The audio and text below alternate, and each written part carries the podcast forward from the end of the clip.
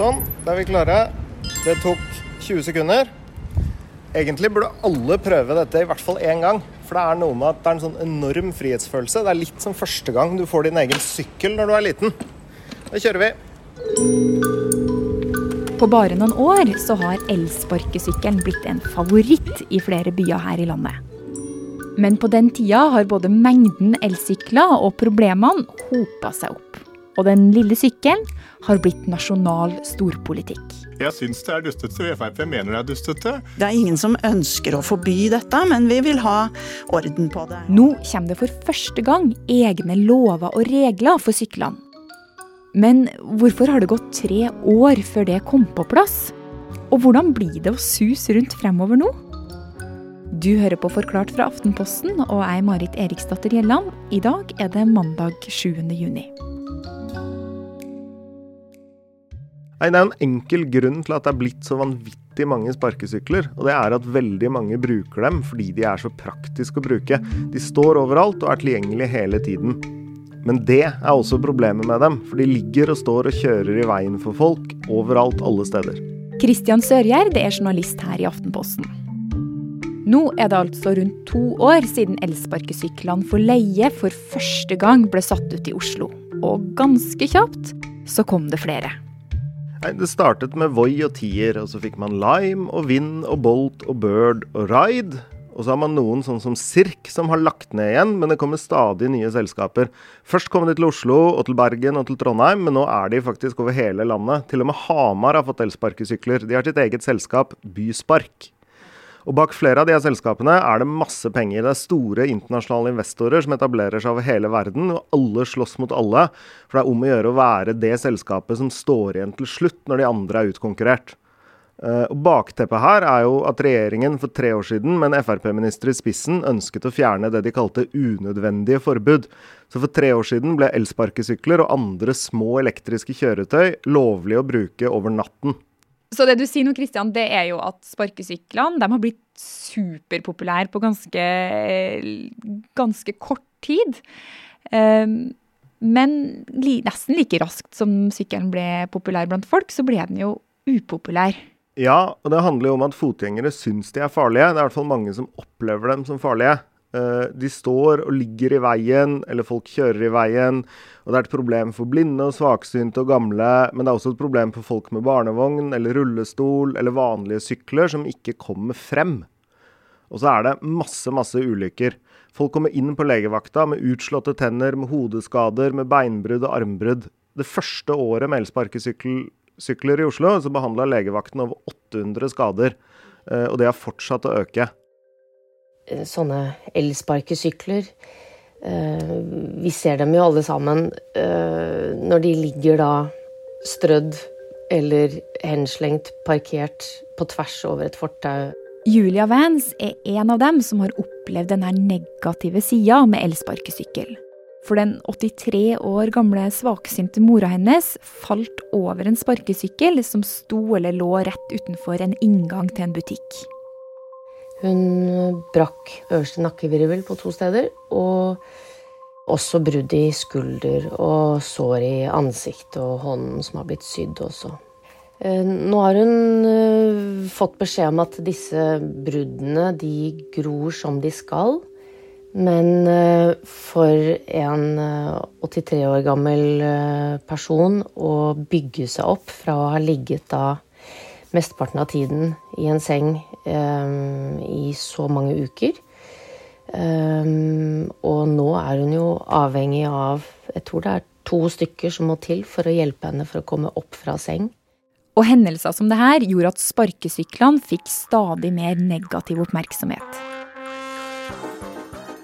Fra april til og med juli er det registrert 337 skader med elsparkesykkel. Mange irriterer seg, og i Bergen har kommunen gått til sak mot firmaer som leier ut.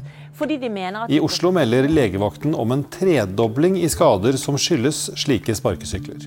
Kjendiser som Bettan og Sigrid Bonde Tusvik er blant dem som hytta med neven. Legger disse idiotiske elsparkesyklene inn i bilen min, og de bare På Facebook ble frustrasjon over syklene stadig hamra ut via tastaturet, og kommunene, som var overlessa av sykler, prøvde faktisk å få orden på sakene.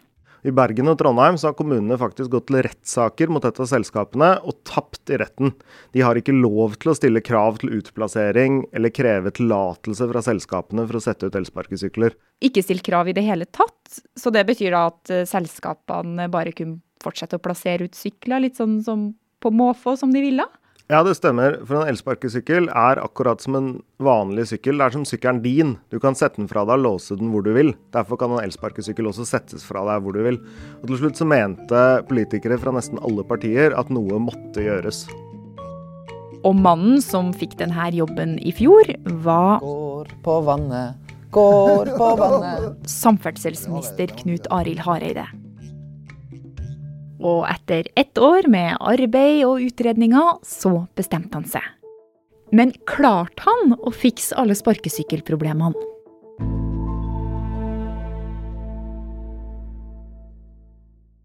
Nå er det tre år siden elsparkesykler ble lovlig i Norge, og det er to år siden de begynte å rulle ut i gatene i Oslo.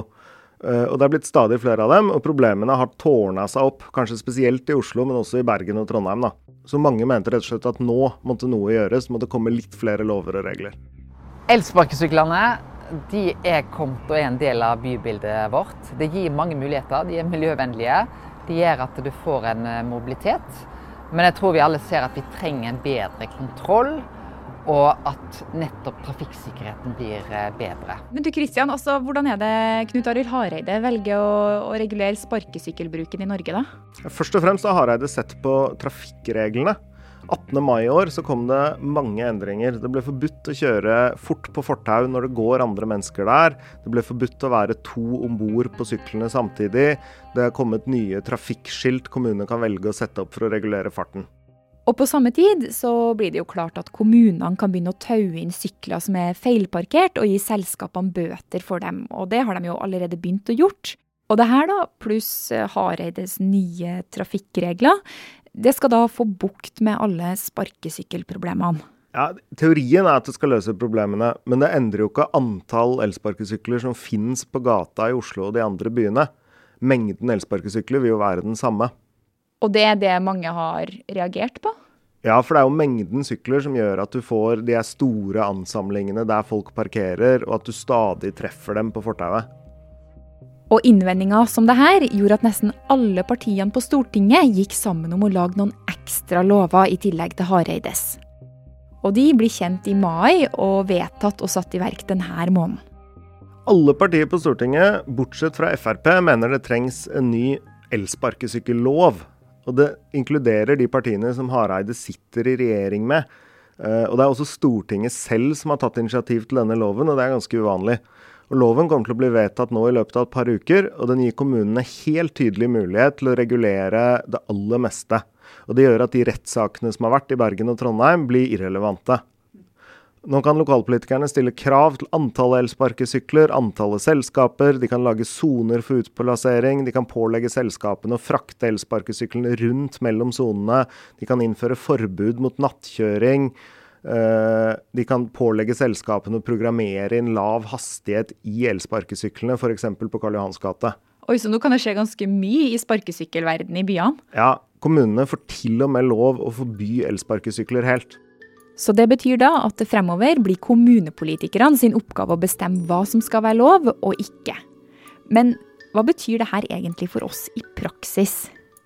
Når det kommer på plass i kommunene, så vil det jo antagelig bety at det blir litt færre elsparkesykler i omløp. Det kan bli litt vanskeligere å finne en elsparkesykkel, og det kan også hende de blir dyrere å bruke. Hvis selskapene får økte kostnader, så er det jo dere som kunder som til slutt må betale for det. Kristian, hovedstaden kommer jo faktisk med sine forslag til regler nå i dag.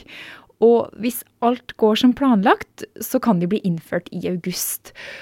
Og det som kommer, det gir oss kanskje en liten pekepinn på hvordan det kan bli i byene nå fremover? Ja, annet foreslår de at det ikke skal være mer enn 8000 elsparkesykler i Oslo. Og i dag er det antagelig mer enn 20 000. I tillegg skal de dele byen inn i soner, sånn at bare et visst antall av de 8000 kan stå i sentrum samtidig. Oi, det høres ut som det kan bli litt annerledes enn det i dag, da. Det vil i hvert fall bli litt mer konkurranse om, om å få tak i en elsparkesykkel for brukerne. Men du, alle de her nye lovene og reglene vi har snakka om nå, de har jo blitt lansert nå i løpet av en måneds tid. Og det har jo tatt tre år å få det på plass. Altså, hvorfor har det tatt så lang tid? Nei, Det er et veldig godt spørsmål. Oslo og flere andre kommuner ba jo om de her virkemidlene allerede for to år siden. Men ting tar alltid litt tid i politikken. Og så var jo dette også spesielt FrPs seier i regjering at elsparkesyklene ble tillatt. Og de ønsket jo å innføre fri flyt. Så kan nok hende at regjeringen også har vært tilbakeholden pga. det. Julia, hvordan går det med mora di nå, da? Hun er jo en av mange som har blitt skadd i møte med en sparkesykkel. Jeg håper jo at, eh, at hun får til å bygge seg opp igjen og komme seg hjem. Det er jo det hun har lyst til. Eh, så vi krysser alle fingre og ja. Mora til Julia venter nå på at politiet skal få etterforska saken. Samtidig så sier selskapet Voi at historien gjør inntrykk, og at de håper at hun kommer på bedringens vei. Men Christian, selskapene, hvorfor har ikke de gjort noe med det her selv, ettersom meldingene om skader og ulykker har tikka inn gjennom årene? Nei, De har jo gjort litt. De har jo innført såkalt geofencing ved vann og elver, sånn at det skal bli vanskeligere å få kasta elsparkesykler i vannet, f.eks. Eh, men i Oslo, som jeg kjenner best, så har kommunen forhandla med selskapene om dette over ganske lang tid. Og selskapene har f.eks. ikke ønsket å innføre nattestengt på egen hånd. Og det handler vel rett og slett om at de tjener penger om natta. Folk bruker elsparkesyklene hele døgnet. Eh, og selskapene har heller ikke ønsket å frivillig begrense antallet sykler i omløp. Men de største selskapene har bedt om strengere regler som er like for alle. Og det er jo det som kommer nå. Så det handler om konkurranse? Rett og slett. Og det er jo risikoen når du regulerer dette mer nå, er jo at det blir vanskeligere å etablere seg for nye selskaper. Andre selskaper blir utkonkurrert, og konkurransen kommer nok til å bli litt mindre. Kristian, altså nå får jo kommunene og utleierne det de har etterlyst, nemlig regler. Men betyr det at sparkesykler og, og fotgjengere nå kommer til å leve lykkelig side om side i alle sine dager, eller ikke? Hvis kommunene innfører regler, så kan de i hvert fall leve litt lykkeligere.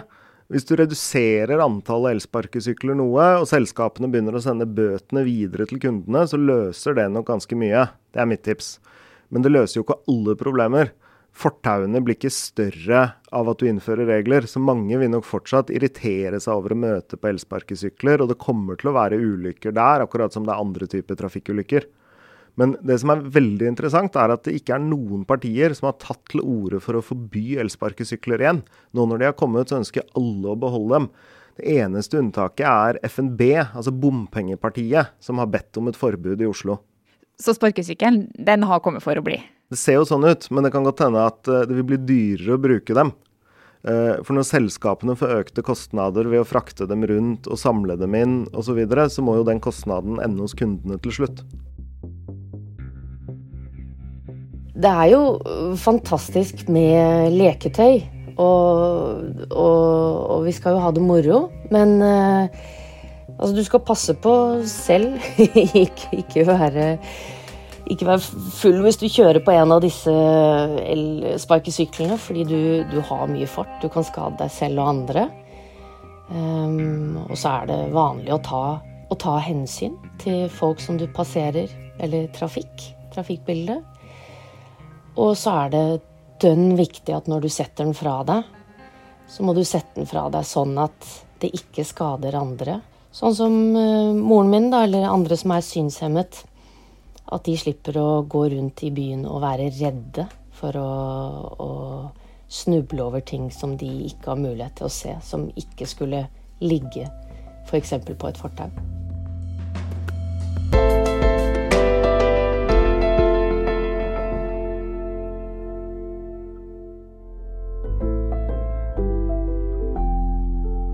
Denne episoden var laga av produsent Fride Næss Nonstad og meg, Marit Eriksdatter Gjelland. Resten av Forklart er Ina Swan, Anne Lindholm og Guri Leiel Skedsmo. Du har hørt lyd fra NRK, VG og Samferdselsdepartementet.